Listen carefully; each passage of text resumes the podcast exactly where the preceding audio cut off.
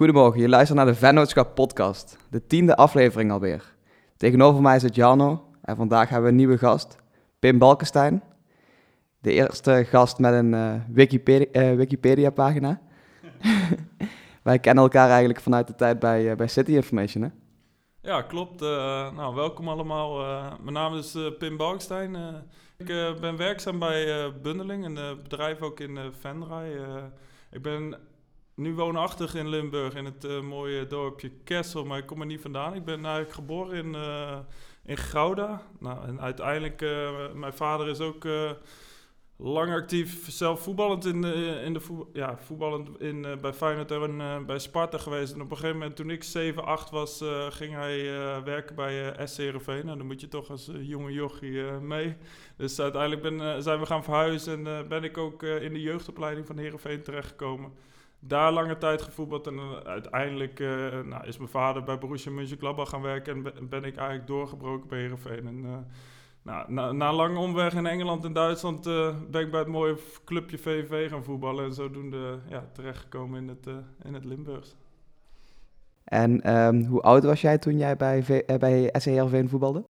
Ja, het begon eigenlijk gelijk om, uh, om achtste, dus uh, in de jeugdopleiding. Nou, wat is dat, de E1 of de, of de D1? Nou, op een gegeven moment uh, brak ik redelijk door, werd het C1, werd het B1. Ik weet niet hoe het nu heet, voor mij onder 15, onder 16 of wat dan ook.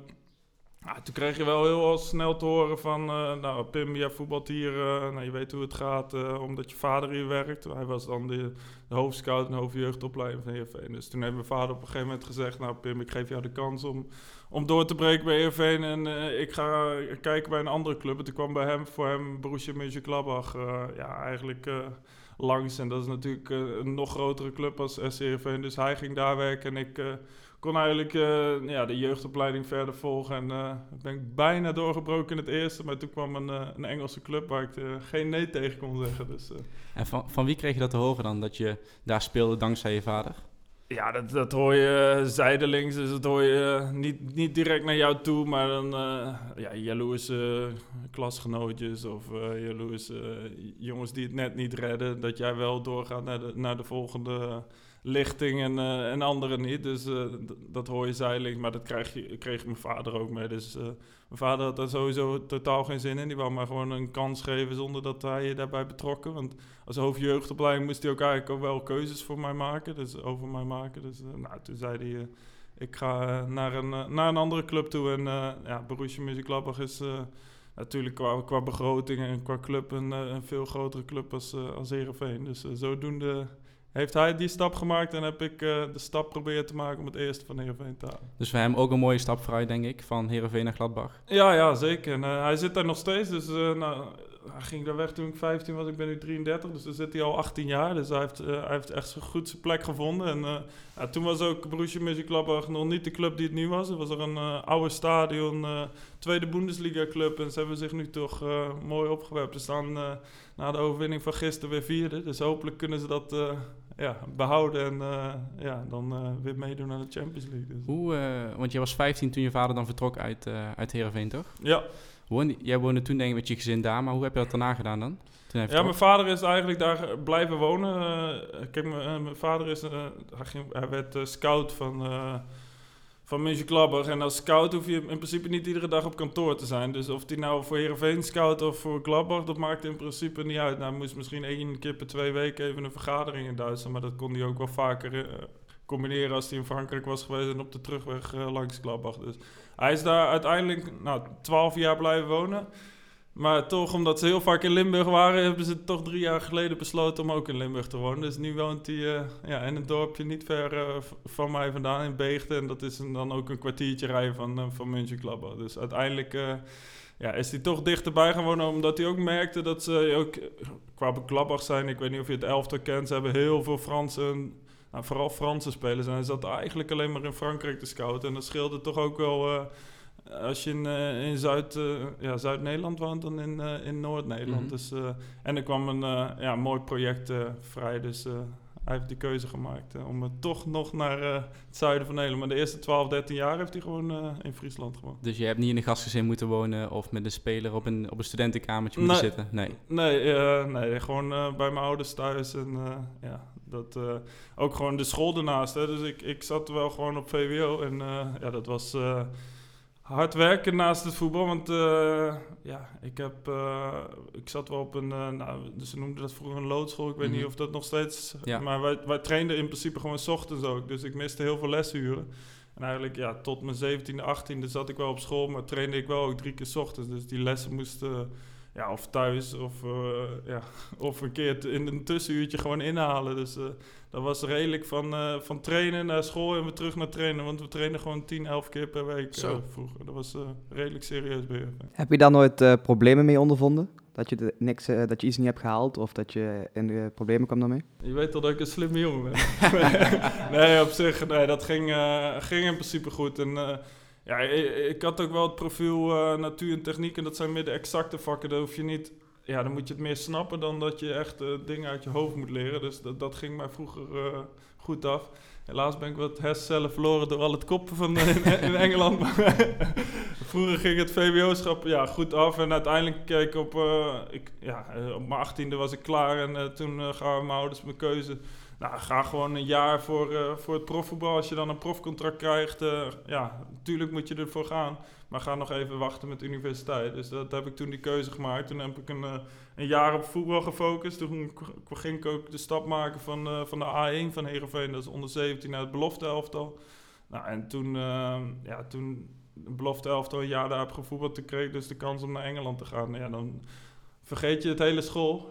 en dan eh, soms op een eh, heel verdwaald moment denk je wel eens over een, eh, over een thuisstudie. Maar uiteindelijk heb ik dat, dat nooit meer gedaan. Maar had je diploma al toen? Of was je nog, zat je nog op het voortgezet onderwijs? Nee, nee, VWO had ik afgerond. Dus ik had ja. al een jaar bij, eh bij Heerenveen gewoon alleen op vo- voetbal gefocust. Dus dan zat ik in de belofte elftal. En eh, ja, dan train je natuurlijk wel we- mee met het eerste. Maar ik zat nog niet echt op de bank of bij het eerste in het elftal.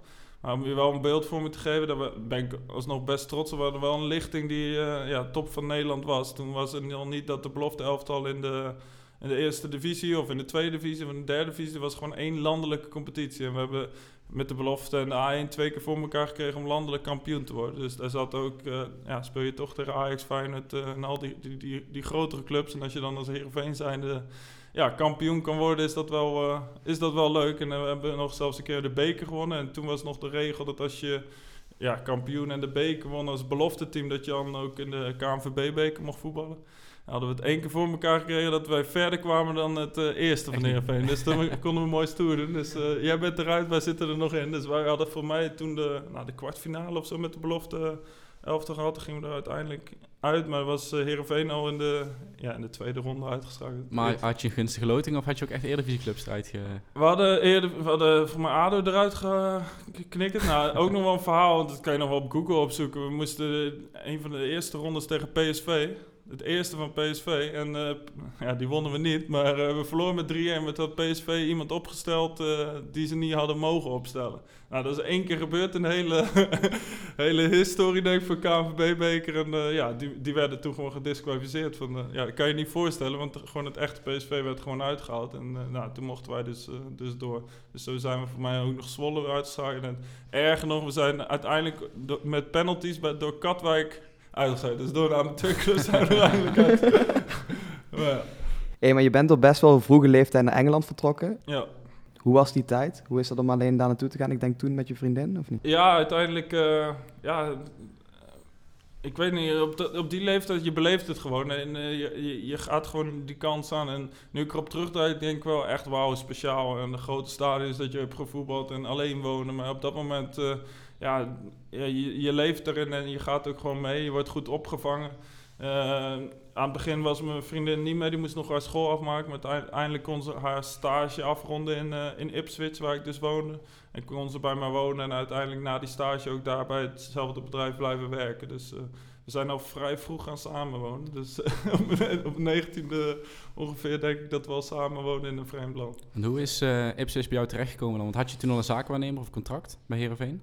Ja, ik had, ja, mijn vader heeft natuurlijk wel een netwerk in de voetballerij. En ik, ja, ik had natuurlijk wel een, eh, een, eh, een contract eh, toen bij Heerenveen. En uiteindelijk kwamen toen drie opties. Vol- Volgens mij was Zwolle een optie die toen in de Jupiler League speelde.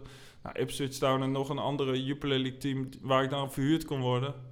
Maar Ipswich zei, die hadden mij volgens mij een keer bij een, bij een toernooi, toernooi gezien, dat de scout. En die scout zei gewoon, ja, kom maar eens langs voor een, voor een stage. Nou, ik eh, mocht daar ja, eigenlijk een, een week heen, een week, eh, week getraind. Na die week, eh, dat was nog wel grappig verhaal, we hadden een, een Noord-Ierse trainer. En toen was mijn Engels al sowieso niet zo goed. Dus toen moest ik in, in, zijn kamertje komen en die zei bla bla bla bla. Nou, Noord-Iers is echt niet te verstaan. Uiteindelijk liep ik in het kamertje uit, ik had geen idee wat hij... dus mijn vader bellen, ja, hoe ging het en wat zei de trainer? Ja, ik zei, ik weet het echt niet, dus jij moet maar proberen. Nou, het bleek dus dat ze nog steeds geïnteresseerd waren. Dus eh, ik mocht nog een keer terugkomen. En eh, uiteindelijk heb ik toen een eh, testwedstrijd tegen Tottenham Hotspur mogen spelen. Dus wel echt gelijk gaaf. Op het oude, in de oude Whiteout Lane speelden we een, wedstrijd. En het lekkere was, ik... Eerste minuut, ik kreeg die bal teruggespeeld. Ik, ik leg hem voor mijn linker en ik geef ja, een crossbal. En uit die crossbal scoorden, ze, scoorden we gelijk tegen Tottenham. En ja, dan zit je al gelijk zo goed in de wedstrijd. En ja, toen zeiden ze, nou, met jouw lengte, met jouw trap, als je echt perfect in het elftal. Of in ieder geval eh, potentie in het elftal. Wat ze wel zeiden, je bent nu eh, nou, 78, 79 kilo. Ik was gewoon een Nederlandse jongen die net eh, volgroeid was. Ja, dan, word je in de championship helemaal weggevaagd. Dus ik moest eerste half jaar dat ik daar kwam echt alleen maar krachttraining doen. Want het is, als je daar niet boven de 90 of 95 kilo bent, dan uh, ja, de, de, spitsen waar je tegen voetbalt, uh, ja, dan, uh, dan moet je echt fysiek heel sterk. Het maakt niet uit of je dan lang bent, dan word je aan de kant gezet. Dus ja, uiteindelijk aan de eerste half jaar heel veel krachttraining moeten doen. En had ik op een gegeven moment het geluk, we speelden, nou ik was denk ik derde of vierde keus aan het begin. En toen, toen raakten er twee jongens geblesseerd op mijn positie. Toen moesten we Crystal Palace uit. En nou, ik, ik kwam toevallig door die blessures in de basis en we wonnen gelijk uit met 5-1. En toen liet, uh, liet, de trainer de opstelling staan en de volgende wedstrijd was tegen Chelsea uit. En dat was voor de beker. En toen speelde ik ook echt weer een goede wedstrijd. En heeft hij daarna gewoon uh, elke keer het team laten staan. Dus dat is ook, uh, nou, wat je met werk natuurlijk ook hebt. Als je een kans krijgt, moet je hem ook echt gewoon pakken. Want je krijgt soms maar echt één of twee kansen in je carrière. En ja, die heb ik toen ja, goed gegrepen. Dus uiteindelijk kon ik toen ja, 30 wedstrijden op rij ja, in het eerste van, van Ipswich Town spelen. In de championship op ja, begin, ik was begin 20, was ik gewoon echt de jongste centrale verdediger in die, in die divisie die ook basis stond. Dus dat was wel echt een mooie ervaring. En je noemt nu Chelsea als tegenstander. Wat zijn dan de beste spelers die je tegen je hebt gehad in die tijd? Ja, het beste. Het was niet makkelijk om in ieder geval op Drogba te staan. Dat was echt gewoon een, een muur waar je tegen, tegenaan... Als die zijn arm uitstak, ja, dan liep je gewoon uh, tegen een uh, rots op. Ja, zij speelden... Dat was wel echt een goed elfte. Die wonnen toen voor mij dat jaar ook de Champions League. Uh, met ja, Ballack, Lampard, Drogba, Anelka. Speelde nog voor mij met Kalou aan de zijkant. Nou, Terry, hoe heet de Alex. Dus ja, ik was een lange jongen, dus ik moest ook uh, bij de corners en de vrije trappen voor mijn ballak verdedigen. Dus dat was uh, sowieso niet makkelijk. We die wedstrijd met 3-1, maar als je die wedstrijd, je kan die nog wel op YouTube terugvinden. Als je die goals ziet, voor mij schiet Lempert er maar een van 35 meter in en ballak ook nog vrije trap. Dus we konden uiteindelijk niks te doen, maar ja, de trainer was wel tevreden. Dus gelijk de volgende wedstrijd tegen Cardiff mocht ik ook spelen. Ja, dan, dan, dan creëer je vertrouwen en uh, ja, dan, dan blijf je erin staan. Dus Chelsea is wel denk ik de grootste club wat ik zei, ik heb ook wel tegen Tottenham gespeeld. Ik heb wel tegen nou, Arsenal. Toen zat ik op de bank, maar die wonnen we wel. Dus uh, we speelden in de halve finale tegen Arsenal voor de. Ja, hoe noemden ze die cup? Niet de FA Cup, maar de Carling Cup. Ja. Wonnen we thuis met uh, 1-0. Maar voor mij toen was de return in de Arsenal verloren met 5-0. Dus dat was. maar ja, dat, was wel, dat zijn wel gave momenten. Ook al speelde ik die wedstrijd niet, maar dat zijn wel echt momenten om, uh, om te onthouden. En, ja, eigenlijk alles mooiste momenten die ik heb gehad. Ik, op een gegeven moment ging ik van Ipswich Town naar Brentford. En Brentford is een League One team, dus niet Championship, maar eigenlijk het derde niveau. Dus nou, Nederland vergelijken met tweede divisie. En uh, toen moesten we tegen Everton. Nou, Everton was op dat moment ook gewoon een top 5, top 6 club. En toen schakelden we die uit. En die emotie die toen ontstond bij, bij de supporters, dat ze allemaal het veld oprenden, je allemaal op de schouders namen, ja, dat, dat vergeet je in principe nooit meer. En dat, dat, die, dat die sterren van toen echt gewoon afdropen. Ja, toen stond ik ook tegen Verleni. Nou, uiteindelijk is Verleni ook natuurlijk naar Manchester, waar hij niet ja, de, de potentie heeft waargemaakt die hij toen had. Want toen was hij echt wel een uh, grote speler. Ja. En die is nog groter dan jij, of niet? Die is uh, in ieder geval met zijn haar erop. ja, maar dat is echt niet normaal. In Engeland, ik heb daar op spitsen gestaan. mensen kennen denk ik wel een Aki Femba of een, of een Jakubu van Everton toen, of een uh, Hesky, Emil Hesky. Ja, dat zijn echt ja, dingen trouwens die van, hoe heet die van Newcastle United? Nou, daar heb ik een uh, hele moeilijke middag. die ging naar, van Newcastle naar Liverpool, heet die nou? Carroll. Carroll, en, Andy Carroll. Carroll, Nou, ja. dat was ook niet mijn makkelijkste speel. Want ik moet het natuurlijk voor mijn fysiek hebben. En als er iets kleiner, dan zet ik hem op fysiek natuurlijk in de duels weg. Maar Andy Carroll, die, die, die, die met zijn pink, die duwt hem al weg. Die, die was zo groot en sterk. Er was echt geen duel van te winnen op dat moment. Dus, uh. Hoe zag zo'n uh, zo'n trainingsweek er daar voor je uit in Engeland? Want in de Championship speel je best wel een aantal wedstrijden. Ja. In de competitie alleen al heb je ook nog de beker erbij. Ja. ja. Um, hoe, ziet, hoe doen ze dat dan combineren met trainingen en wedstrijden? Ja, je reist ook nog best veel. Want uh, elke uitwedstrijd zit je sowieso een dag van tevoren dat je heen reist met hotels. Dus ja, je doet... Ja, je, het ligt er natuurlijk aan of je, of je basis bent of, uh, of uh, dat je revalideert of, of dat je op de bank zit. Maar het is, het is heel, veel heel veel hersteltrainingen. Dus als, je, als je een paar weken lang zaterdag, dinsdag, zaterdag... en je hebt soms zelfs de kerstperiode dat je... kan je niet geloven, maar dat je dinsdag, donderdag, zaterdag, maandag dat je gewoon vier, vijf wedstrijden in de week uh, wel eens mee hebt gemaakt. Want jullie, ja, de meesten kennen de Premier League. Premier League hebben volgens mij 20 clubs, maar de, de onderste divisies waar ik ook heb gespeeld, die hebben 24 clubs. En die hebben nog ineens twee bekerrondes. Die hebben dus de, nou, de, de Carling Cup, de FA Cup, maar die hebben nog twee andere bekers. Dus die hebben nog een St. Johnson Pentrove, die is voor de League One en League Two. En dan hebben ze ook nog een, eigenlijk een regionale cup. Dus we hadden bijvoorbeeld bij Wimbledon hadden we ook nog de London Cup. Dus nou, bij de FA Cup en de League Cup word je bijna gelijk uitgeschakeld. Maar die andere cups ga je wel lang door. Dus de, ik weet niet hoeveel wedstrijden je dan hebt. 46. Nou, dan ga je echt naar de 60 wedstrijden toe. En, dat zijn ook vaak returns. Dus je speelt niet één, één uh, thuiswedstrijd of uitwedstrijd in die ronde, in die bekerronde. Maar je speelt uit en thuis om te Ja. kijken wie er doorgaat. Ja, dus nog dus, een keer eh, dubbel. Ja, dat is FA Cup. Als je gelijk speelt, dan heb je natuurlijk die return. Bij, bij Carling Cup volgens mij is het alleen eh, bij, vanaf halve finale dat er Ah, eh, returns zijn. Dus eh, dat, dat valt nog wel mee. Maar eh, ja, bij de, bij de FA Cup, eh, ja, de Premier League clubs die gaan pas in de vijfde, zesde ronde instromen. En wij stromen natuurlijk al veel eerder in als je in een lage divisieclub. Dus eh, je speelt al heel wat rondes voordat je die grote clubs bereikt. Dus, ja, het zijn heel veel wedstrijden, maar uiteindelijk wel leuk als je fit bent. Ik heb lange periodes van blessures daar wel gehad, maar als je fit bent is het wel het leukste natuurlijk wat er is, wedstrijden spelen. Want die adrenaline die je krijgt van volle stadions, ja, dat eh, maak je niet eh, heel vaak mee. Ja. Ja. Maar dat lijkt me wel lastig, want als je dan geblesseerd raakt en je zit dan ook nog in het buitenland, eh, Ja. heb je nooit momenten gehad dat je je ja, eenzaam voelt of zo? Nee, op zich niet eens. Kijk, eh, Londen, waar ik toen woonde, het is natuurlijk ook... Ik kreeg zoveel visite. Iedereen wil wel eens een weekendje naar Londen. Ik was bij een hotel. eh, elke keer die, eh, die Big Ben weer zien. Eh. nee, ja, op zich viel dat wel mee. Het is gewoon gefrustreerd. Want ik, eh, ik had op een gegeven moment, toen die periode bij Ipswich echt goed ging... en op jonge leeftijd kreeg ik ineens een, ja, een soort sporthernia-blessure... waar ik op mijn 21ste al geopereerd werd. Ja, dat is echt...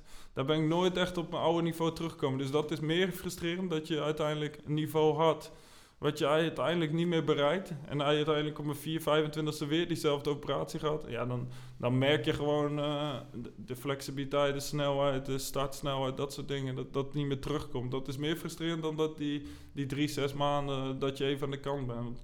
Dan heb je nog altijd het gevoel, ik ga echt eh, nog terugkomen op niveau. Dus, eh, dus eh, ja, dat is... eh, En als je zo terugkijkt, eh, heb je dan überhaupt het idee dat je veel hebt opgeofferd om die topsport te kunnen beoefenen? Of valt dat dan toch mee? Nou, het opofferen niet, want het- dat was altijd mijn droom. Dus ja, uiteindelijk, hier, hier deed ik alles voor. En als je dat ook mag uitoefenen, ja, wat is opofferen? Wij mochten, helemaal in Engeland, het is niet erg dat je een keer een avondje uitgaat. Dus dat hoefde ik echt niet op te offeren. Qua voedsel, dat was ook nog... Je ziet nu wel steeds meer bij clubs dat, ze, dat de spelers meer voedselpatronen... maar het is niet zoals, ik ken wel wat schaters, hoe die hun routines doen. Dat, dat is totaal niet bij, bij voetbal. Daar is nog echt de winst te behalen. Want in Engeland aten we gewoon echt eh, steak en friet soms na de training. dat was echt een heel, heel andere cultuur. eh. En Engelse ontbijtjes. Ja, die, eh, nou, die sloeg ik wel over. Die, die eh, hoe heette die beans eh Ja, on die- toast, die doen ze al gat komen. Dat vind ik ook niks Nee, hoor. dat, dat was niks voor mij. nee, maar ja, een eitje spek, dat was ook daar gewoon. Dat je gewoon, eh, zeg maar, gewoon eh, s ochtends ontbijt op de club had. Dan zaten ze ook al gewoon aan de spek en de ei. ja, niet voor te stellen. Was je dan echt de hele dagen op de club daar in die tijd? Vele dagen, ja, in principe elke dag. Nee, maar ik bedoel dat je echt gewoon de hele dag op de club bent. In plaats van alleen trainen en weer naar huis. Nee, ja. eh, vaak is het... nou, bij, bij, de, bij de top Engels... Ja, Brentford en Ipswich staan dat je wel ochtends ontbijt, dat je daar om half negen moet zijn. Nou, dan zal je wa- waarschijnlijk om tien uur trainen. Nou, tot 12 uur. En bij Ipswich was het zo erg dat ze gewoon drie koks hebben waar je gewoon kon bestellen wat je wou. Maar dan was het ook, dan moest je aan het begin wel aan wennen. Want wij zijn natuurlijk gewend om brood te eten tussen de middag. Maar daar is het altijd warm eten. Dus ging je nou, samen warm eten. Nou, dan soms middags nog krachttrainen. Helemaal aan het begin heb ik heel veel krachttraining. Dat was vaak na de lunch. En dan ben je ook wel weer twee uur, half drie wel weer thuis. Dus het is niet dat je, zoals ik nu heb, soms dat ik eh, om acht uur s ochtends wegga, om elf uur s avonds thuis heb. Dat waren, eh, ja, dat hele andere tijden. Dus toen had ik heel, wat meer tijd op de Playstation. nee, dus ja, op dat moment eh, besef je ook niet wat een, wat een makkelijk eh, leven je dan hebt. Dat ga je pas beseffen als je het kwijt bent en... en nu echt volle werkdagen maakt. Dat is een, een heel ander, eh, heel ander veel energie. Hoe kwam die, eh, die overgang naar Brentford, eh, vanuit Ipswich naar Brentford? Mhm. Hoe kwam die tot stand? Ja, uiteindelijk... ehm, ja, ik, ik eh, ben op een gegeven moment geblesseerd geraakt bij Ipswich Town. Toen kwam ik terug, was Roy Keane de trainer. En Roy Keane kwam van Sunderland. Die had heel veel spelers ook van Sunderland meegenomen. En ik heb een paar wedstrijden onder Roy Keane gevoetbald. Maar toen zei hij, nou, de ervaren jongens die ik uit de Premier League, daar zie ik op dit moment meer in. Dus je mag verhuurd worden. Nou, dan komen er een paar opties. Voor mij was voor mij de, de belangrijkste optie was of kiezen tussen Brentford of kiezen tussen Brighton. Nou, Brighton was niet de club die je nu kent. Dat was een, ja, een club met een, eh, een oude stadion. En het was voor mij vanuit Ipswich verder rijden. Dus ik heb op een gegeven moment de keuze gemaakt om zes maanden verhuurd te worden naar Brentford. Volgens mij zelfs op e- eerst één maand. Dat, dat kan in Engeland, dat kan je niet voorstellen. Maar je kan gewoon in november gewoon een maand verhuurd worden. Nou, dat, dat heb ik zes maanden. Toen waren ze zo tevreden. Toen hebben ze me eigenlijk gewoon eh, ja, een transfersom betaald en, eh, en me overgenomen. Dus eh, zo... en Brentford is nu een, een grotere club geworden. Maar dat was toen een... toen ik bij hun tekende was een League One. En Mhm. League One, ja, dat is het derde niveau. Ze zijn nu wel... Ja, uiteindelijk over Ipswich Town heen gegroeid. Maar qua club is, het, is Brentford een kleinere club als Ipswich Town. Hoe merkte je dat?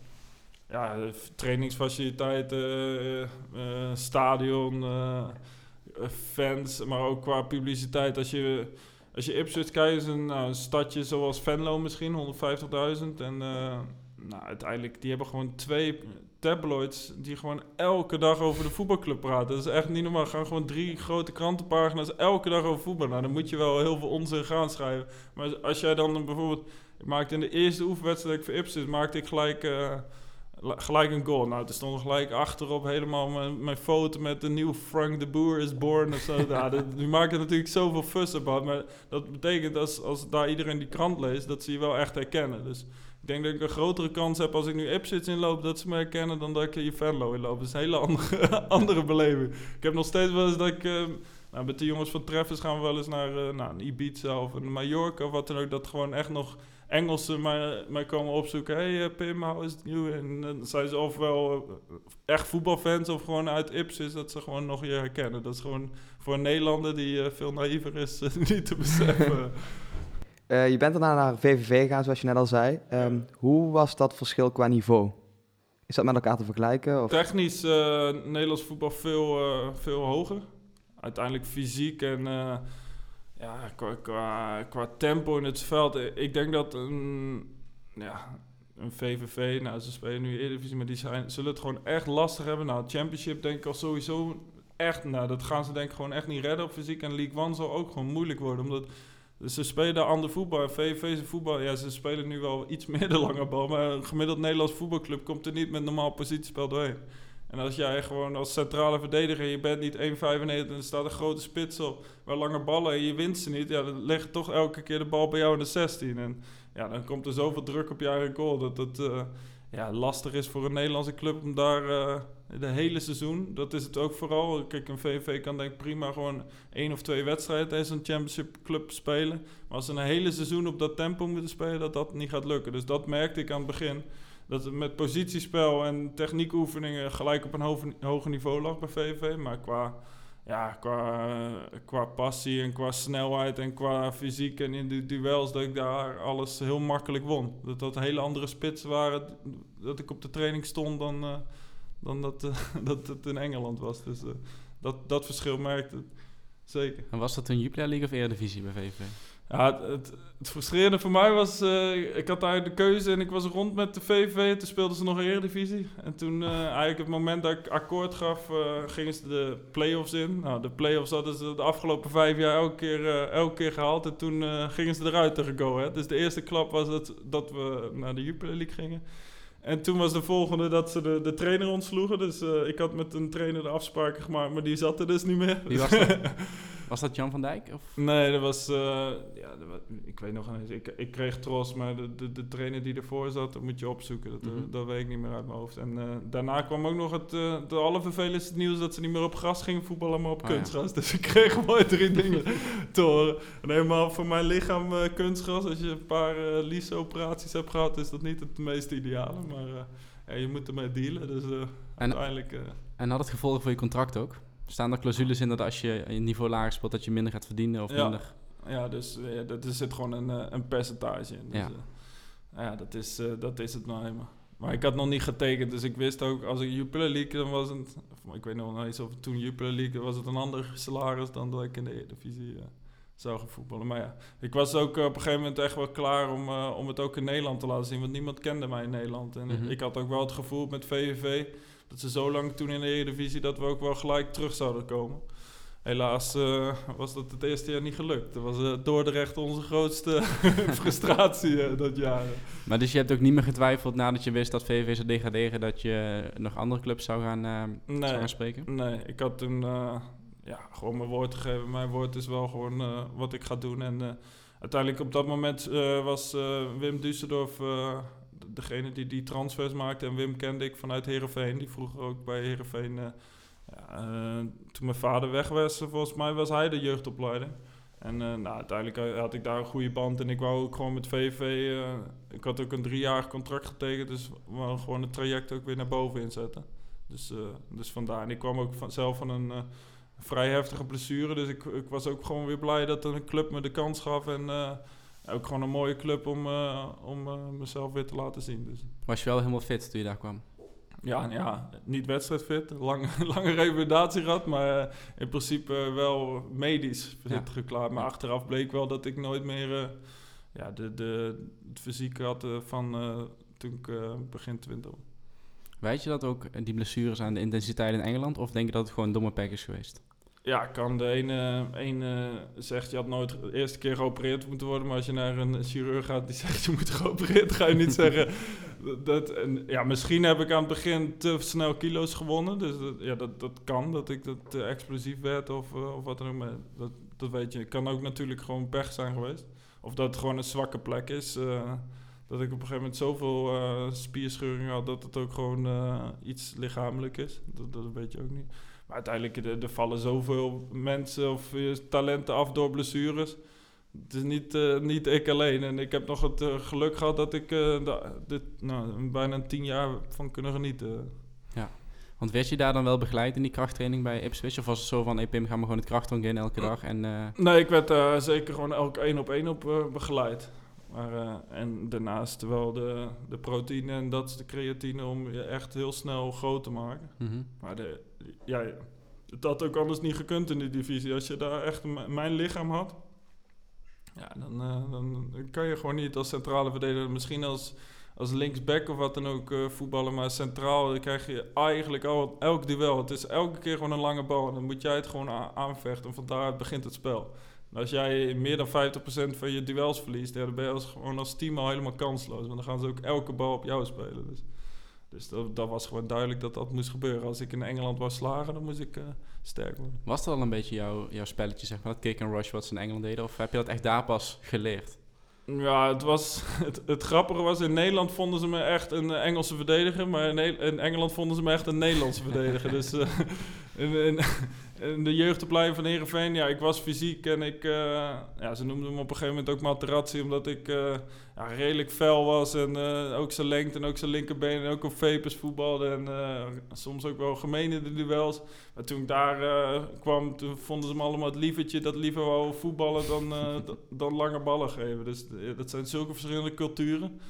Natuurlijk is het laatste jaar het een stuk veranderd. Ook de Championship haalt steeds meer Europese voetballers. Maar toen ik daar, uh, nou, wat is dat nu, 14, 15 jaar geleden, was de Championship ook gewoon anders. Er waren er heel veel gewoon Engelse, Ierse en Schotse jongens. Nou, die, uh, ja, die uh, kijken op een andere manier. Die worden anders opgegroeid met het voetbal dan, dan dat de Nederlandse jongens dat doen. Hoe vind je dan de invloeden die nu een beetje komen overwaaien vanuit Engeland? Bijvoorbeeld zo'n Pardew die dan bij Den Haag kwam. Die heel veel jongens ook meenam uit die leagues, die Championship en League One. Uh, bij VVV heb je Kettermol nog gehad die, uh, die een jaartje kwam spelen. Mhm. Hoe kijk je daar dan tegenaan voor, voor het Nederlandse voetbal? Ja, die jongens zullen het nooit goed doen als ze niet het eigen voetbal kunnen. Die moeten daar ook gewoon op, uh, op aanpassen. En ook een Kettermol, ik denk dat hij ook een, een, aantal jaar niet heeft gevoerd. Die zit, je ziet wel dat hij bepaalde kwaliteiten echt goed kan. En dat is, dat is voor het Engelse voetbal nou, hij is heel snel en sterk in het duel. Hij weet waar de tweede ballen komen. Maar het is niet een jongen die vanuit achter gaat voetballen, omdat hij dat nooit heeft geleerd. Ook in de Premier League, ik denk bij Sunderland. Die hebben er altijd een beetje onderin gehangen. Die, die, die gaan niet vanuit achteren voetballen. dus die jongen heeft zich altijd gefocust op tweede ballen winnen. En dat zag je ook wel bij VV, dat hij dat goed kan. Maar ja, voor het Nederlandse voetbal moet je toch ook andere kwaliteiten hebben. Hey, je werkt nu bij, uh, bij Bundeling als business developer.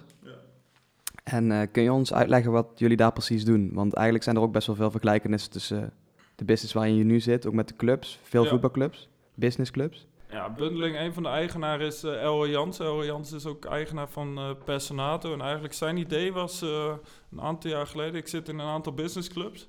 En uh, nou, waaronder bij VVV. En ik heb heel erg de behoefte om dat netwerk veel beter in te gaan zetten. Dus dat ik, als ik naar een evenement ga, dat ik ook weet van tevoren wie er komen. Dat ik dan heel makkelijk uh, linkjes kan leggen. Dat ik kan, kan vragen, nou kan ik vanuit personaal iets voor je betekenen? En ik kwam helemaal achter dat bij accountmanagers die nieuw waren bij personaal en die gingen dan naar een evenement van VVV, dat ze heel snel in hetzelfde groepje gingen staan. Ik denk dat dat iedereen heeft dat ze toch bij de bekende gaan staan en niet zo heel snel op iemand vreemd afstappen. Toen was zijn gedachte van, nou, als we nou een platform kunnen, kunnen faciliteren voor VVV, waarin de sponsoren in ieder geval zich kunnen aanmelden. En dat ik mij als sponsor ook kan, uh, kan zien welke andere sponsoren er komen. En dat ik gelijk ook deze sponsor een berichtje kan sturen. hey, leuk dat je komt, dus we van tevoren even een kop koffie drinken. Dan denk ik dat ook voor de nou, iets meer introverte mensen het makkelijker wordt om ja, eigenlijk het eh, geld uit de sponsoring uh, te halen. Dus uh, nou, dat, dat idee was er. En toen kwamen we er ook gelijk achter dat VV echt een heel groot probleem had in de communicatie met de sponsoren. Dat ze op een gegeven moment eigenlijk hun nieuwsbrieven nauwelijks meer werden gelezen. En dat ze continu reminder mails aan het toesturen waren. Nou, toen die twee facetten na, bij elkaar kwamen, dus de sponsoren hadden de behoefte om te verbinden en de club had de behoefte om uh, veel makkelijker met de sponsoren te communiceren, zijn, is het ja, voor VVV uiteindelijk ontwikkeld. Maar ja, uiteindelijk als het voor VVV ontwikkeld is, ja, moeten toch ook andere clubs in, de, in, Nederland zijn die hetzelfde probleem hebben. En nou, Elroy zit natuurlijk met personaal al bij meerdere businessclubs. Die zijn ook shirt sponsor bij NEC en bij FC Eindhoven geloof ik. Ze zijn sponsors van PSV, maar ook bij de businessclub van Geister en nog wel wat andere businessclubs. En daar waren allemaal dezelfde problemen. Dus allemaal hadden ze dezelfde behoeftes. Dus uiteindelijk toen we 10, 20 apps hadden en allemaal ook eh, de resultaten in ons dashboard zagen dat echt die verbindingen tot stand kwamen in ons platform. Eh, ja, toen konden we het uh, ja, wat breder weg gaan zetten. En hadden we eigenlijk het geluk dat de businessclub van Ajax zo heel snel zei: dit is ook iets wat we willen. En daar heb je het ja, in Nederland een stuk makkelijker. En uiteindelijk hebben we nu ook die stap gemaakt naar het buitenland, waar we in Duitsland het geluk hebben dat nu Borussia Dortmund de eerste club is die zegt: nou, wij willen dit gaan omarmen. En dan heb je ook gelijk andere clubs die zeggen als Dortmund dit doet, wat is dat bundeling? Uh, boendeling. nee, maar dat, uh, ja, dat is natuurlijk een leuke taak voor mij, omdat uh, dat ik ja, natuurlijk lang actief in het voetballenwereld heb gezeten. En als je me een beetje op LinkedIn, dan zie je ook wel dat, dat wij bij, bij, nou, voor, gisteren was ik bijvoorbeeld bij Club Brugge en Cercle Brugge. Nou, dat zijn toch ook leuke gesprekken dat je ook in de kennismaking al een stukje over je eigen carrière kan vertellen. Dan is het ook voor zo'n ja, dan zie je dat er veel meer raakvlakken ontstaan in die gesprekken. Dat je op een heel ander niveau praat dan dat je als denk ik, normale salesmanager daarheen gaat en, eh, en zegt... eh, nou, dit is Pim en dit is het product. Eh, voetbal is heel veel emotie en heel veel beleving. Als je dat stukje beleving al mee kan geven... en dat je kan, kan aantonen dat je weet hoe zij denken... hoe de club denkt, hoe het ook voor zijn speler voelt... eh, hoe belangrijk die sponsoren zijn voor een club... ja, dan heb je een, eh, een mooi begin voor de eerste afspraak. En eh, dat, dat, dat zien we nu eh, gelukkig ook omdat we heel veel referenties hebben. mooi groeien. Ja, een stukje persoonlijkheid denk ik ook in plaats van de keiharde verkoop, weet je wel. Wat Ja. je net zegt. Ja, dat, eh, dat, dat probeer je natuurlijk. eh, mijn directeur eh, Björn Poels ja, is ook echt een persoonlijkheid die. nou, voor degene die luistert, die, die kennen hem waarschijnlijk vanuit Björn en Mieke. En, eh, nou, Björn is natuurlijk ook eh, iemand die veel optreedt, dus die heeft ook een mooi, mooi verhaal te vertellen in, eh, in, in, in, in de opening van het gesprek. Maar weet door het optreden, net als ik door het optreden in een voetbalstadion, wel ook hoe je voor een groot publiek kan, kan vertellen, hoe je met, met bepaalde spanningen kan omgaan, maar ook hoe je het publiek kan entertainen. Dus Hoeveel clubs zitten er nu eigenlijk verbonden? Ja, profclubs eh, in Nederland, eh, nou denk ik 70, 75 procent. Dus hoeveel profclubs heb je? Dus een stuk of 30. Nou, als je de jong teams eraf haalt, eh, dan heb je, houden een stuk of 22, 23 die om met ons werken. Maar er zijn ook een veertigtal amateurclubs die natuurlijk ook businessclubs hebben. Dus ik voetbal nu bij de Treffers. Nou, ook de Treffers heeft een businessclub van 180 man. En eigenlijk is het nog voor de, voor de Treffers nog belangrijk, omdat zij allemaal vrijwilligers hebben die werken. En die, die worden dan natuurlijk helemaal gek dat ze de hele tijd reminder mails rond evenementen. En ons systeem is zo geoptimaliseerd dat, dat al die mailing, of nou wij, wij doen het niet via mails, maar wij doen het via push-notificaties via een app, dat dat al- allemaal automatisch verloopt. Dus we hebben ook een heel tal amateurclubs die het gebruiken, maar uiteindelijk natuurlijk, als je hem gaat lanceren bij een VV, zal er ook een iemand zijn die ons platform gebruikt, die bijvoorbeeld bestuurslid is van de hockeyclub, of bestuurslid van Ondernemend Venlo, of bestuurslid van Brightlands. Dus uiteindelijk zagen we dat het product niet meer alleen een businessclub heeft voor een voetbalclub was, maar dat het veel breder gebruikt ging worden. En uiteindelijk is nog zelfs vorig jaar de vraag steeds meer gekomen van, kan dit ook voor mijn interne communicatie? En daar... eh, daar, dat, dat zijn nu eh, eigenlijk de focus waar voor mij nu ligt. We hebben natuurlijk in Nederland alle voetbalclubs al. Dat, dat ik nu heel ga, ga kijken, oké, welke grote MKB-bedrijven zitten ook met communicatieproblemen. En dan zie je vooral in de bouw dat mensen met een eh, binnen- en buitendienst werken. Dat de buitendienst gewoon eigenlijk het veel prettiger vindt om alles, alle notificaties mobiel binnen te krijgen. Denk helemaal in de coronatijd aan alle protocollen waar ze gaan moeten houden. Alle veiligheidsdocumenten die ze moeten inlezen. Dan wil je niet als medewerker eerst op je computer gaan inloggen om dat te zien op een soort intranet-omgeving, maar dat je dat in één druk op de knop even kan bekijken. Dus eh, daar, daar richten wij ons nu op. En het voordeel is dat bijna elk be- elk bedrijf wel lid is van een voetbalclub en dat elke directeur dan wel al eens gebruik heeft gemaakt van een bundeling-app. En dat is ook wel de verkoop een stuk, eh, stuk prettig. Wij merkten laatst nog, Willem, bij, ehm, we zaten twee maanden geleden bij een klant hier in Venray. En die hadden heel veel buitendienst ook. Ja, En die zeiden ook van ja, ons grootste probleem op dit moment is echt het boeien en binden van die buitendienst. Omdat die eigenlijk altijd gewoon extern aan het werk zijn. Die zijn nooit op kantoor. Mhm. En ze hebben dan één keer per jaar zo'n eh, zo'n bedrijfsborrel en that's it. En hij zegt ook, die directeur zei ook van... ehm, onze uitdaging op dit moment is om iedereen echt bij het bedrijf te gaan betrekken. En toen, eh, want wij wisten natuurlijk al van bundeling. En toen ging bij ons ook het belletje rinkelen van... Hey, dat is dus waar, waar bundeling op, eh, op in kan spelen. Ja, want een, een voetbalclub, de businessclub is een community, maar een bedrijf is natuurlijk ook een, community die je aan elkaar moet verbinden. Je gaat veel beter samenwerken als je een gevoel hebt bij je, bij je collega's, dat je nou, automatisch ook een verjaardagsmelding krijgt, dat, er- dat je ook weet wat, wat, wat ik doe naast mijn werkzaamheden bij bundeling, dat ik een vrouw heb, dat ik in Kessel woon. Dat, dat communitygevoel kan je creëren met een platform. En ja, daar, daar zijn wij sterk. Natuurlijk, de, de concurrenten die we hebben zijn echt de, de, corporate oplossingen. Bijvoorbeeld een AVAS-oplossing of een, eh, een andere Microsoft-oplossing. Microsoft Teams wordt nu veel gebruikt. Maar het, het voordeel wat wij doen, dat we hem helemaal in de look en feel maken. En ja, wij denken dat als jij een personator-medewerker bent en je hebt een personator-app, die ook helemaal in de look en feel van personator wordt ontwikkeld, dat er een ander gevoel, een andere binding ontstaat dat een, eh, dan een platform eh, ja, vanuit AVAS of vanuit Microsoft Teams. Dus dat is eigenlijk onze, onze unique selling point. Dat, eh, dat die beleving en de, ja, de, de, de, de, look en feel helemaal in de, in de look en feel van, de, van, de, van het bedrijf wordt ontwikkeld. En in hoeverre is het dan nog maatwerk voor jullie als bedrijf om zo'n app te ontwikkelen, om die te personaliseren? Of is het voornamelijk gewoon ander kleurtje, ander logo, Ja. Eh, misschien net wat andere details, maar verder is het gewoon een, een, een standaard product. Ja, het product is eh, nu omdat we zoveel klanten hebben, ga je wel de hele tijd doorontwikkelen. Dus eh, nou, stel je voor, we hadden drie, drie jaar geleden 10 functionaliteiten, dan hebben we er nu al 150 functionaliteiten in, onze, in ons pakket zitten. En uiteindelijk ga je dan met de klant kijken, oké, welke vinkjes vinken we aan voor jou? Wat, wat is voor jou gewenst? En daar komt dan ook een, een prijs uit. Maar het is allemaal al ontwikkeld en dat is ook het voordeel. En dan zie je ook dat bijvoorbeeld, bijvoorbeeld de Club Brugge, die heeft heel erg in zijn hoofd van wat hij wil gisteren. Maar uiteindelijk, wij hebben al alles ontwikkeld. Dus als hij dit allemaal zelf wil laten ontwikkelen, is hij en een heel groot bedrag kwijt. Nou, ook nog een heel groot bedrag kwijt om het platform te onderhouden.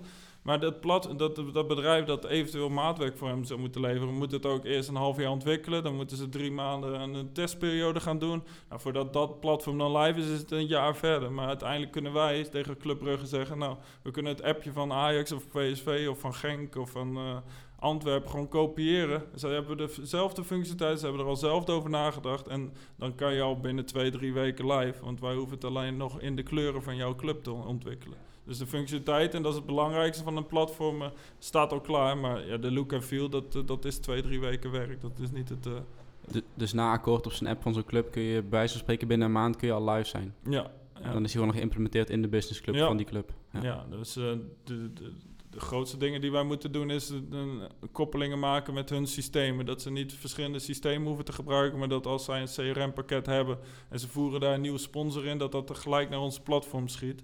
Dat, dat is vaak de, grootste, maar ook daar hebben we het geluk dat veel voetbalclubs in Nederland allemaal hetzelfde systeem gebruiken. En ook in de ticketing, wij, we gaan volgend jaar naartoe dat ook de sponsoren van de voetbalclubs hun tickets en hun parkeertickets in de app kunnen vinden. Nou, dan maken we dan een koppeling met de ticketingpartij die in Nederland wordt gebruikt. Maar het geluk dat we in Nederland hebben in ieder geval dat bijna iedereen dezelfde ticketing... eh, dus dat je één keer die koppeling moet maken, dat we dan eigenlijk alle clubs daarin kunnen faciliteren. Dus eh, daar kijken we op strategisch niveau en heet er naartoe. Oké, wat moeten we doorontwikkelen en heeft het grote deel van onze klanten daar ook eh, daarin behoefte in? We gaan niet echt maatwerk, ook al betaalt, eh, nou stel je voor Borussia Dortmund een heel groot bedrag om iets vets en unieks te ontwikkelen. Als alleen Borussia Dortmund dat wil, is het als platformgedachte niet, niet relevant genoeg voor ons. Dus- Ja, zo, eh, zo beschrijft de directeur van Avos dat ook. Dus die maken dan ERP-software voor die, voor die corporate bedrijven, of eigenlijk Mm. voor het MKB zelfs. Mhm. Maar het is eigenlijk ook gewoon een gestandaardiseerd product. Wat je inderdaad met modules, wat je aan en uit kunt vinken, Ja. kun je dat uitbreiden. En hij zegt ook van, als één klant tegen ons zegt, dan doen ze elk jaar houden ze een soort van ronde van, oké, wat zijn de suggesties van onze klanten? Ja. En als één klant, of misschien tien klanten, eh, als je kijkt naar hun, hun aantallen klanten, zijn die eh, zijn er honderden duizenden volgens mij. Ja.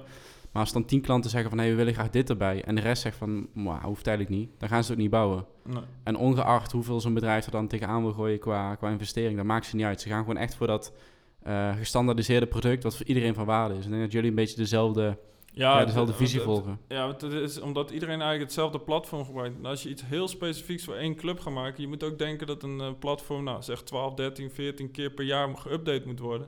En als daar dan één heel groot ja, maatwerk, dan moet ook elke keer bij de update kijken of bij alle telefoons ook dit maatwerkstukje ook bij alle telefoons werkt. Dus dat is zo tijdrovend. Dus uiteindelijk, misschien verdien je eh, in één keer 10, 20.000 euro, maar uiteindelijk is dat het niet waard om... eh, ja, en natuurlijk voor Dortmund maak je misschien nog een uitzondering. maar ja, de, de- uiteindelijk proberen we iedereen vanuit eh, de shared development gedachte. Shared development betekent bij ons, nou, we moeten het samen doen. En we komen samen met ideeën over hoe we het eh, beste de markt in handen kunnen houden. En dat zagen we echt bij de voetbalclubs. Dat er echt heel veel, ja, heel, willen heel, veel- heel kennis delen is heel belangrijk voor ze. Dus en daar hebben we, wij doen ook een aantal webinars per jaar, waar we ook bijvoorbeeld de, de Duitse, de Nederlandse en de Belgische clubs bij elkaar zetten en gewoon ideeën wisselen. En vanuit die ideeën, dan komen wij weer op een gegeven moment eh, functionaliteiten. Dus er kwam bijvoorbeeld nu eh, met de corona dat de sponsoren niet op de tribune mogen zitten. Nou, hoe gaan we alsnog interactiviteit creëren met bijvoorbeeld een voetbalpool waar de sponsoren kunnen aangeven, nou, de, de, degene maakt de eerste goal, dit wordt de ruststand, dit wordt eindstand, dat er ook een klassementje komt van de sponsoren, dat dat allemaal automatisch verloopt. Nou, iedereen vond dat gaaf, want een sponsor, wij moeten ervoor zorgen dat de sponsor elke keer die app gaat openen. En als ze even gaan kijken, hey, deze week stond ik bovenaan. Of uh, nou, ik sta bovenaan in het jaarklassement. hey, wat had ik nou ook weer voorspeld? hey, sponsor, wat had jij nog? Wat had jij voor volgende week voorspeld? En die interactiviteit, die zitten wij dan naar te zoeken. En daar ga je eigenlijk met de klanten mee kijken, oké, hoe gaan we dit doen? En is dit niet alleen voor de voetbalclubs interessant, maar is het ook bijvoorbeeld voor de hockeyclubs of voor de basketbalclubs uh, interessant? Dus Wordt dat ook allemaal gemonitord dan? Hoe vaak mensen de app openen en wat ze doen en hoe lang ze in die app zitten? Ja, en eigenlijk, uh, zoals gisteren bij een, bij een Cerkelenbrug of Clubbrug, hoeven alleen de statistieken te laten zien.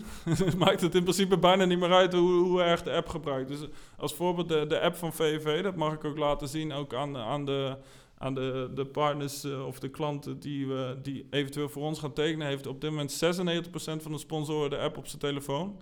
En ook minimaal één keer per maand geopend. En dan als voorbeeld geef ik altijd dat zij een, een website hebben gehad. Nou, een website, helemaal een zakelijke website, dan drukken ze heel sporadisch maar op die button zakelijk. Dan, ga je echt naar de misschien 40, 50 keer dat een dat er gemiddeld op die knop wordt gedrukt in een maand. En bij ons gaat hij naar nou, 8.000, 9.000 keer dat die, dat die app wordt geopend van de VVV Business Club. Nou, en dat, dat bereiken ze op geen enkel ander kanaal. En dat, dat is eigenlijk, dan hoeft het, maakt het niet uit hoe het er eigenlijk uitziet. Dat willen zij bereiken. Dat, dat die sponsoren elkaar gaan opzoeken. Dat ze met elkaar connecties aangaan. Dat ze ook echt daadwerkelijk nu gaan aanmelden via het platform. Dat niet al die aanmeldingen op verschillende kanalen binnenkomen. Ja, en dat is nog het belangrijkste, die statistieken. Dat, daar maken wij de case op, dat wij kunnen aantonen dat het hun tijd, geldt, eh, tijd scheelt en daardoor dus geld. En dat die sponsoren echt het idee hebben, nou ik heb nu geen fysieke activiteiten, maar ik heb nog wel een platform waar ik alsnog die verbindingen kan, uh, kan tot stand brengen. Dus de Duitse clubs die nu allemaal mee in gesprek zijn, is eigenlijk allemaal door de coronatijd gekomen dat ze nu iets innovatiefs zoeken omdat ze, ja, wat moeten ze nu nog de sponsoren bieden, denken zij? Want uh, ja, ze moeten toch de sponsorcontracten gaan verlengen. Maar ze kunnen nog niet beloven of ze op de tribune mogen zitten. Ze kunnen nog niet beloven dat ze dit kunnen doen. Ze kunnen nog niet beloven dat ze naar fysieke bijeenkomsten kunnen. Maar ze kunnen ze wel beloven dat ze in ieder geval digitaal verbonden zijn aan alle sponsoren van, uh, van de club. Dus uh, dat is de pitch die wij nu ook aan de Duitse clubs in ieder geval geven. En merk je ook dat ze dat dan in hun marketinguitingen naar potentiële sponsors weer gebruiken? Van hey, we hebben dit en dit platform, daar, daar bieden wij of daar faciliteren we eigenlijk die connectie onderling mee. Ja, zeker. Dus nu bij, bij de clubs die, die het al lange tijd gebruiken, is het gewoon hun medium. Dus uh, hun business medium. En dan hebben ze het ook nog zo voor elkaar gekregen dat als je het platform zo goed inzet en alles moet met dat platform gebeuren, dat er bepaalde sponsoren zeggen, nou voor mij is ledboarding niet meer zo belangrijk, want ik ben een B2B sponsor. Ik wil wel een soort ledboarding in de business app. Dus dat je daar zichtbaarheid gaat creëren. En dan heeft bijvoorbeeld de VVV het platform nu gewoon gratis, omdat er een aantal sponsoren, nou, voor mij staat Covebo erin, Drukkerij Knoops, die hebben gewoon aangegeven, ik wil altijd met mijn logo zichtbaar in de app. Als de app wordt opgestart, moet mijn logo zichtbaar. Nou, dat is voor hun interessanter dan bijvoorbeeld op de ledboarding uh, in het stadion. Dus ja, dat is ook gewoon dan weer een extra verdienmodel voor, uh, voor een voetbalclub. Wie zijn op dit moment eigenlijk jullie uh, concurrenten? Concurrenten, ja, wat ik, ja, AVAS werd al genoemd, dat is echt op, uh, op bedrijfsapps. We hebben in de voetballerij echt geen concurrent. De concurrent die we hebben, nou, bijvoorbeeld Feyenoord, die zegt... Uh, we gaan het een eigen sponsor laten maken en dat is dan echt maatwerk. Dus er zijn nog zeg vijf, zes clubs die het gewoon een, uh, een lokale app-ontwikkelingsbedrijf laten maken. Maar wat je daarmee ziet is, en we hebben heel veel voorbeelden gehad, dat bijvoorbeeld een Vitesse en Heerenveen, dat die allemaal wel het zelf hebben geprobeerd. Nou, dat werkt ook de eerste paar maanden goed, maar het onderhouden van een platform is zo lastig. En bij ons zijn er gewoon een aantal jongens die daar gewoon continu op zitten. En als jij als lokale sponsor dit gaat faciliteren voor een voetbalclub in ruil voor, nou zeg, vier gratis seizoenkaarten, dan kan je het daarvoor maken, maar je kan het daar niet voor onderhouden. Je kan niet daar twee, drie man dedicated developing opzetten, want dat is gewoon veel te kostbaar. Dus ja, uiteindelijk denken wij ook, hopelijk, dat ook een Feyenoord op een gegeven moment ziet dat het, uh, dat het shared development gedachte wat wij hebben, dat, dat uiteindelijk wij heel veel kennis krijgen vanuit de hele markt. Dus niet alleen vanuit uh, voetbal en niet alleen vanuit Nederland en België en Duitsland, maar ook uit andere landen nu. En ook uit andere sporten, dat het platform alleen maar beter wordt. En uh, daar kan een, een lokaal bedrijf denk ik niet tegenop. Dus dat is, ja, in de voetballerij... Nou, daar hebben wij een, een aantal platformen, er zijn twee, drie platformen vergelijkbaar voor ons die het voor interne communicatie, SpeakApp is daar een, uh, een belangrijke concurrent in. Nou, Avas, Microsoft Teams. Maar ook, kijk, een, hoeveel, bedrijven zijn er in Nederland? Dus hoe vaak kom je ze tegen? Helemaal als hier lokaal. Als, we hebben heel veel bedrijven rond, rond Venlo die het voor interne communicatie gebruiken. Nou, daar, daar komt denk ik een SpeakUp of een Avas niet zelf aan de deur. En dat, dat is denk ik waar als bedrijven ook goed zijn. Dat wij ook voor de kleinere bedrijven gewoon op afspraak fysiek gaan. Dat ze ook een, een, beleving krijgen wie wij zijn, wie we als bedrijf zijn, wat onze visie en missie is en wie de persoon erachter is. En dan gaan gaan, we, gaan ze niet echt een product zoeken, maar ze zien ons echt als uh, degene die hun helpt in de interne communicatie. En is het product het, uh, ja, een eventuele hulpmiddel, en maar wel een bijzaak. Want uiteindelijk supporten wij ze in uh, hoe ze het uiteindelijk goed kunnen gebruiken. Hanteren jullie van een minimum bedrijfsgrootte of minimum aantal leden voordat je die app gaat implementeren? Nee, in principe niet. Dus uh, we hebben een, uh, een standaard fee, die is uh, eh, 1000 euro. Dan maken we de app in de look en feel van de organisatie. En de, de maandelijkse kosten zijn afhankelijk van het aantal gebruikers. Dus ik denk, ja, onze kleinste klant is wel, denk ik, rond de 20 medewerkers. Want anders, als je minder medewerkers, als je 10 medewerkers, kan je het net zo goed via WhatsApp doen.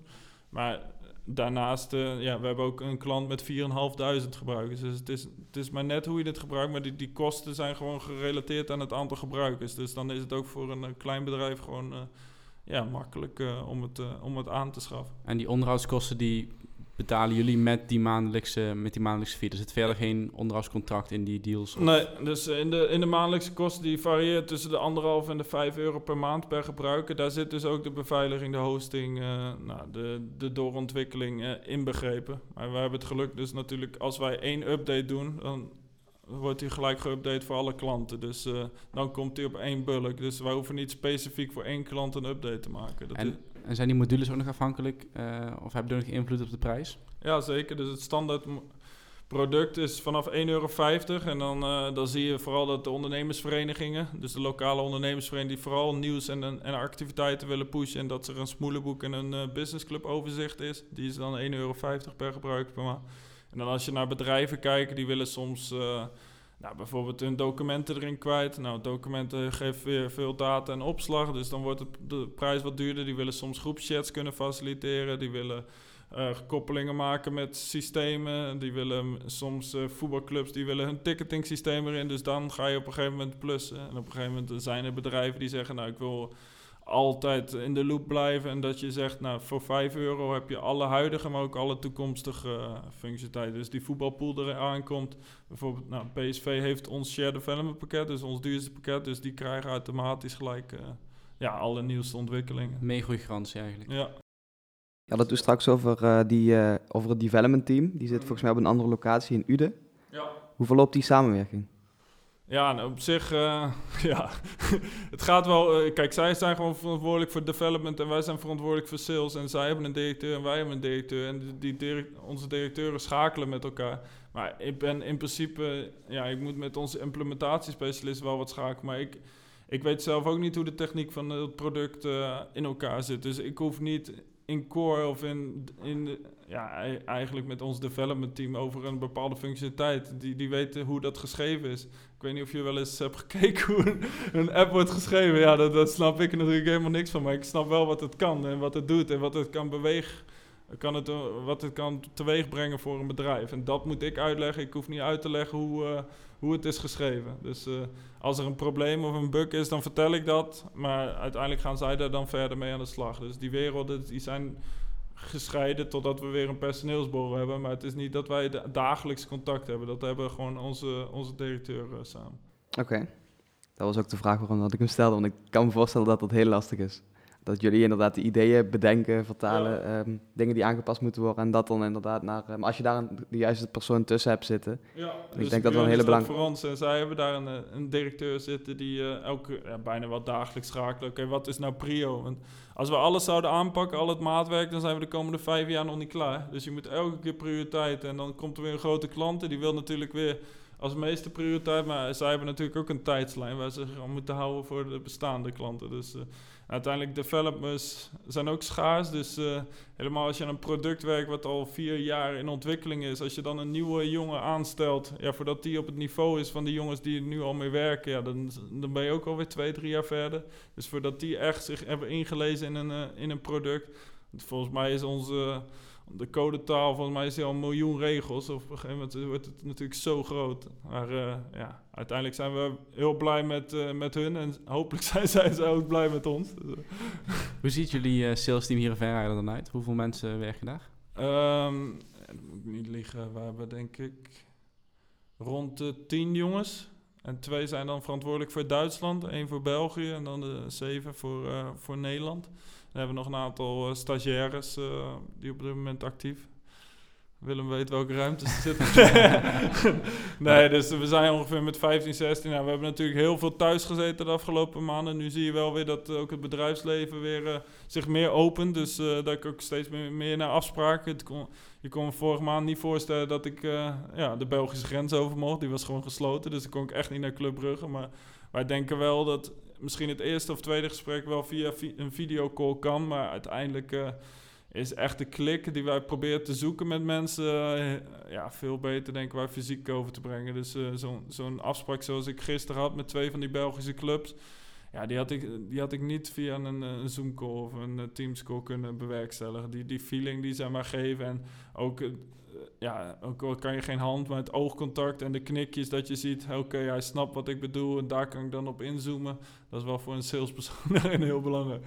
Maar ook wel jullie onderscheidend vermogen, denk ik. Want er zijn zat SaaS-bedrijven, SaaS-producten die het ja. gewoon van online moeten hebben. Ja. En bij wijze van spreken een funnel opbouwen om die gebruikers zo lid te laten worden. Ja, dus uh, dat is echt een uh, bewuste keuze geweest. Omdat wij uh, ja, denken dat we dat ook mensen een product kopen om, om Björn of ik, omdat we ook ze gewoon meenemen in onze ervaringen, in onze community thinking, wat wij, wat wij hebben ervaren bij andere klanten, wat helpt.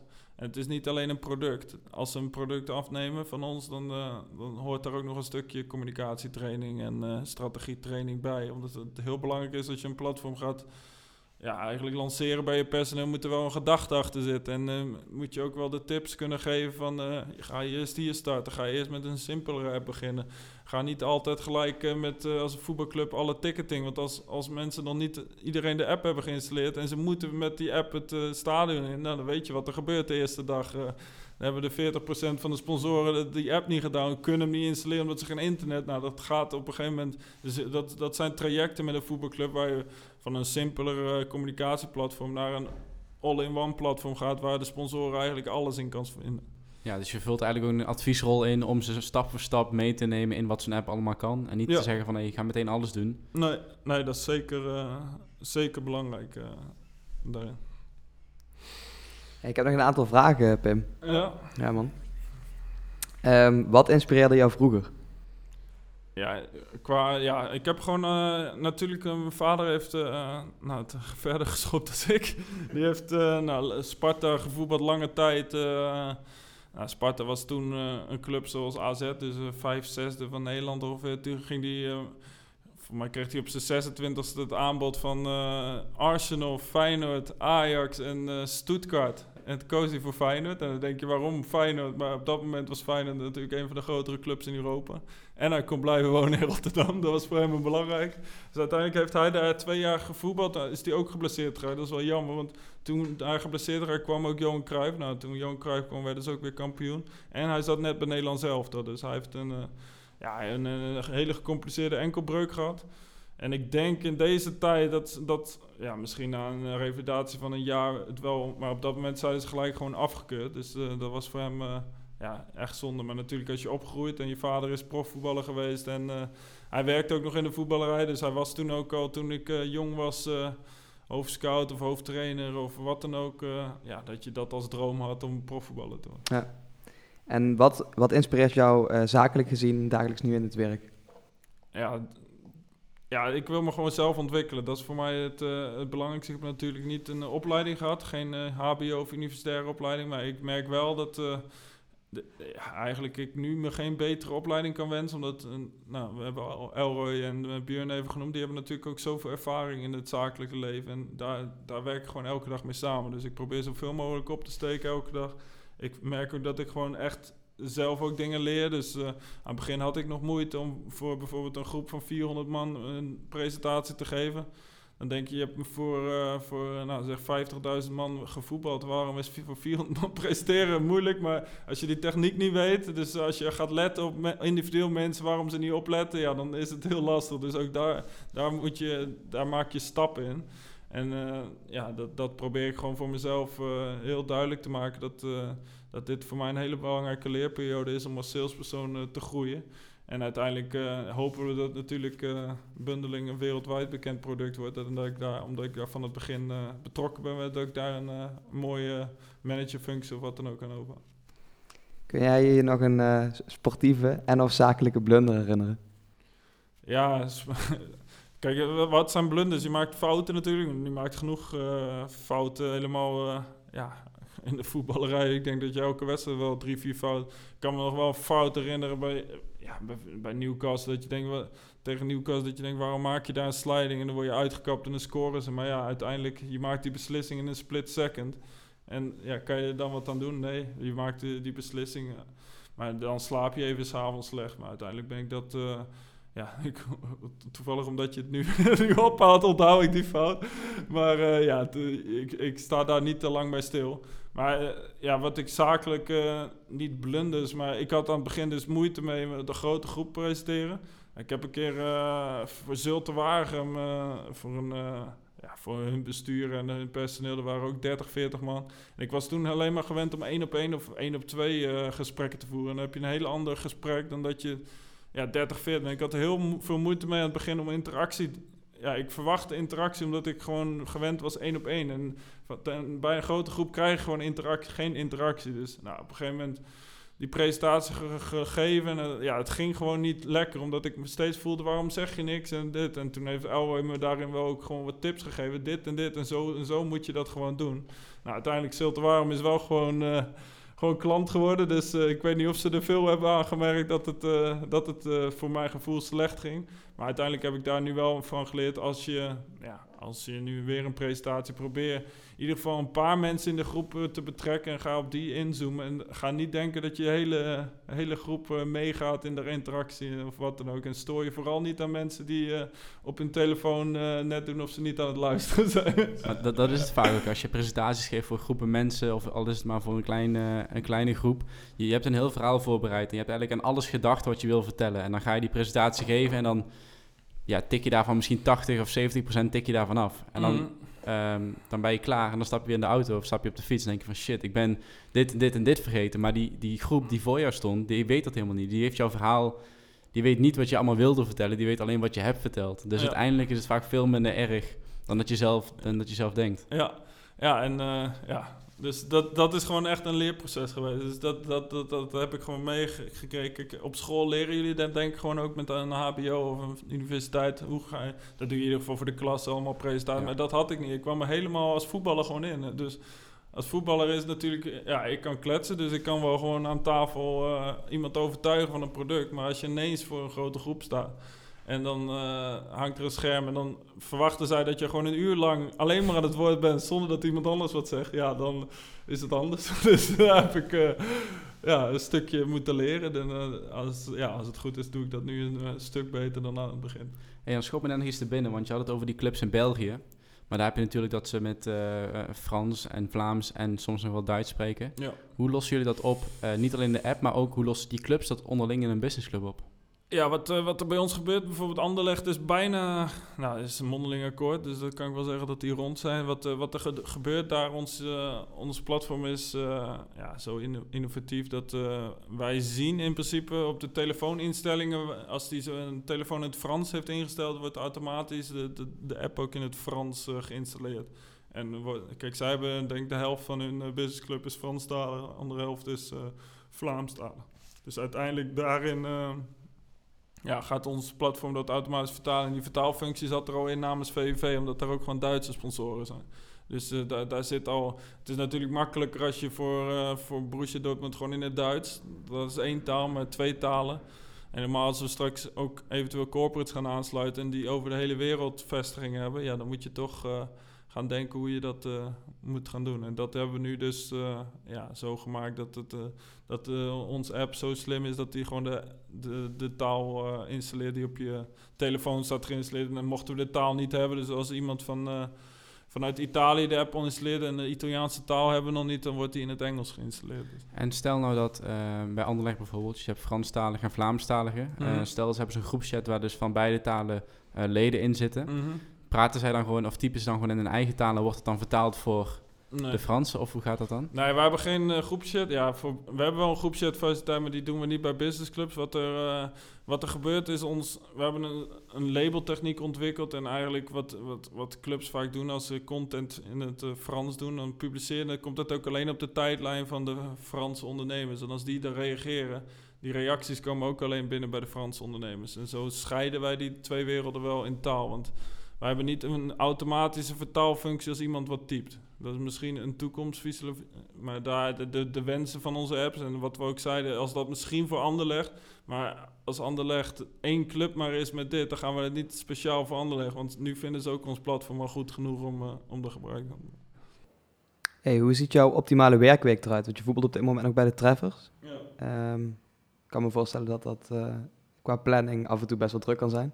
Ja, ja dus uh, ja, ik ben uh, anderhalf jaar geblesseerd, weer geblesseerd geweest. dus ik heb het iets, uh, iets rustiger gehad. Maar de 2,5 jaar dat ik wel dat combineerde, ja, was het heel anders. Kijk, ik kwam van VV en VV...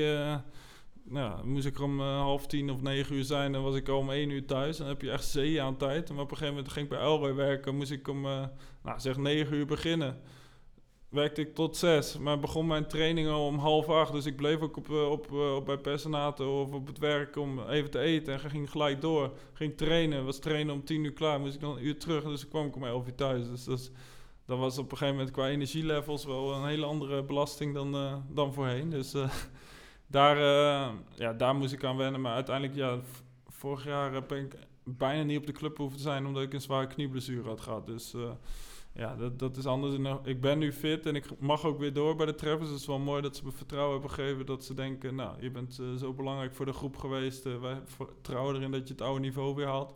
Dus dan ga ik vanaf volgend jaar, mocht uh, de RIVM me toestaan, weer gaan voetballen bij, ja, bij de Treffers. En dan is het drie keer per week in de avond ja, voetballen. In het weekend een keer een wedstrijd. Maar dat houdt me ook wel fit en dat houdt me ook wel ja, vind ik het altijd wel lekker om s'avonds even aan wat anders te denken. Als je alleen maar aan werk denkt, uh, dat is denk ik ook niet goed. Ja, ja kan me goed voorstellen.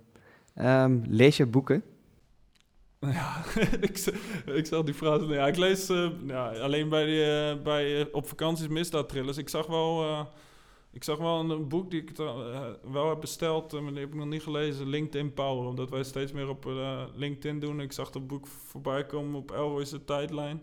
En ik, uh, ja, die heb ik besteld en die, die zou ik wel lezen. Omdat ik denk, ja, op LinkedIn voor ons een belangrijk marketingkanaal is om zichtbaar te maken wat we allemaal doen. En ja, als het misschien één of twee tips geeft die voor ons weer uh, interessant zijn, dan is dat meegenomen. Dus die, dat boek, maar ik ben niet zo iemand die veel zakelijke boeken gaat lezen. Maar dit vond ik wel interessant, omdat ik ook steeds meer zelf op LinkedIn doe. Oké. En een film en serie? En of serie? Ja, ik kijk heel veel, ja, heel veel series, maar dat is wel een hobby die uh, ik en mijn vrouw uh, vaak doen. We kijken nu Outlander, maar dat zal je misschien niks zeggen. Maar de favoriete is, uh, ja, vond ik wel Suits.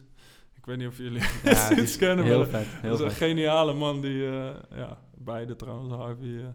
ja, Harvey is gewoon een type die ja, niet wil zijn, want je wil ook niet zo arrogant zijn. maar ja, je kan er wel ook zakelijk wat van, van leren, hoe hij die spelletjes speelt en hoe hij ook, uh, voordat hij wat zegt, al weet wat het antwoord is van, uh, van zo'n opponent. En dat kan je ook in de sales wel echt goed gebruiken. En daar is El echt magistraal in, dat hij al drie, vier stappen vooruit weet wat een eventuele... Ja, waar hij tegenover aan de tafel al gaat vertellen. Dus als hij zijn antwoord al klaar heeft, ja, dan, dan weet, weet een club die er tegenover zit al bijna niet meer wat ze moeten vragen. Dan is het al gelijk een, uh, een deal daarin. Dus ja, dat is wat Harvey natuurlijk ook bij een zoetse vertreffen. Als je echt in die serie zit, dan denk je echt van, ik wil Harvey zijn. Omdat hij, inderdaad, wat je zegt, hij loopt zoveel stappen voor en ik wil altijd zo zelfverzekerd over. Dat is gewoon, uh, is wel echt een vette serie, ja. Ja, ja die, uh, die character, uh, hebben ze mooi neergezet. Hey, heb jij nog dromen, zowel zakelijk als privé? Dus heb je bijvoorbeeld nog dromen om ooit een keer voor jezelf te beginnen of echt door te groeien in wat je nu doet? Nee, ja, ik kijk wel op niet echt altijd vooruit. Ik, uh, ik wil vaak in het nu, want je weet toch nooit wat er tegenkomt. Dat heb ik met voetbal meegemaakt. Je kan nog een droom hebben. Ik was de jongste stralenverdediger in de Championship en er zaten echt gewoon Premier League clubs uh, op, op, ja, op de tribune voor mij. Maar ja, dan, dan loop je tegen dingen aan wat je van tevoren. Dus ik heb gewoon, mijn, mijn visie is gewoon in het nu leven en het zo goed mogelijk doen. En op dit moment ben ik blij bij bundeling. En wil ik mijn bundeling uh, als bedrijf zo bekend mogelijk maken en zo goed mogelijk groeien. Maar je weet toch niet, misschien over drie jaar zijn er geen apps meer. Dat, dat kan je gewoon niet voorspellen. Dus uh, en uiteindelijk wil ik me als persoon gewoon verder ontwikkelen. Dus mocht er een, uh, een gave stap een keer voor mij persoonlijk zijn, dat je daar dan ook klaar voor bent. Dus dat, is, dat is mijn filosofie. Dat heb ik met vo voetbal meegemaakt. Je kan echt niet vooruit plannen. Wij sluiten altijd af met een gouden tip voor onze luisteraars. Heb je die? Ja, wat ik, wat ik net zeg, uh, eigenlijk. Uh, ja, le leven het nu en doe het zoveel mogelijk je best. Want je kan een, een hele visie, maar die visie moet, toch elke keer bij worden gesteld. En uh, ja, ik denk ja, dat het belangrijk is dat je misschien wel een plan maakt, maar dat dat plan ook wel eventueel ja, aan te passen is naar uh, wat er nu in de maatschappij gebeurt. Want uh, ik had ook bijvoorbeeld sales en target, maar ja, als, als de corona komt en je kan niet meer op bezoek, ja, dan moet, dat, uh, moet je dat kunnen aanpassen. En dan moet je ook wel flexibel zijn in, in je eigen gedrag en in je eigen, ja, waar je je focus legt en wat je, je, je targets zijn. Want ja, we weten totaal niet natuurlijk wat er in Nederland en de rest van de wereld gaat gebeuren nu de komende periode. Nee, klopt. Ik denk dat dat wel een mooi is om af te sluiten weer. Dat was hem, hè? Ik vond het uh, leuk om een inkijkje te, kijk, te krijgen ook in, jouw uh, in jouw voetbalcarrière. En daarna mooi te combineren met het, uh, met het zakelijke aspect. Dus ik denk dat het alweer een, een mooie aflevering is geworden, mannen. Ja. jullie ook bedankt en ik ben benieuwd. Um, dit was de aflevering voor deze week. Volg ons even op Spotify en op Apple Podcasts. En dan zijn we volgende week weer terug.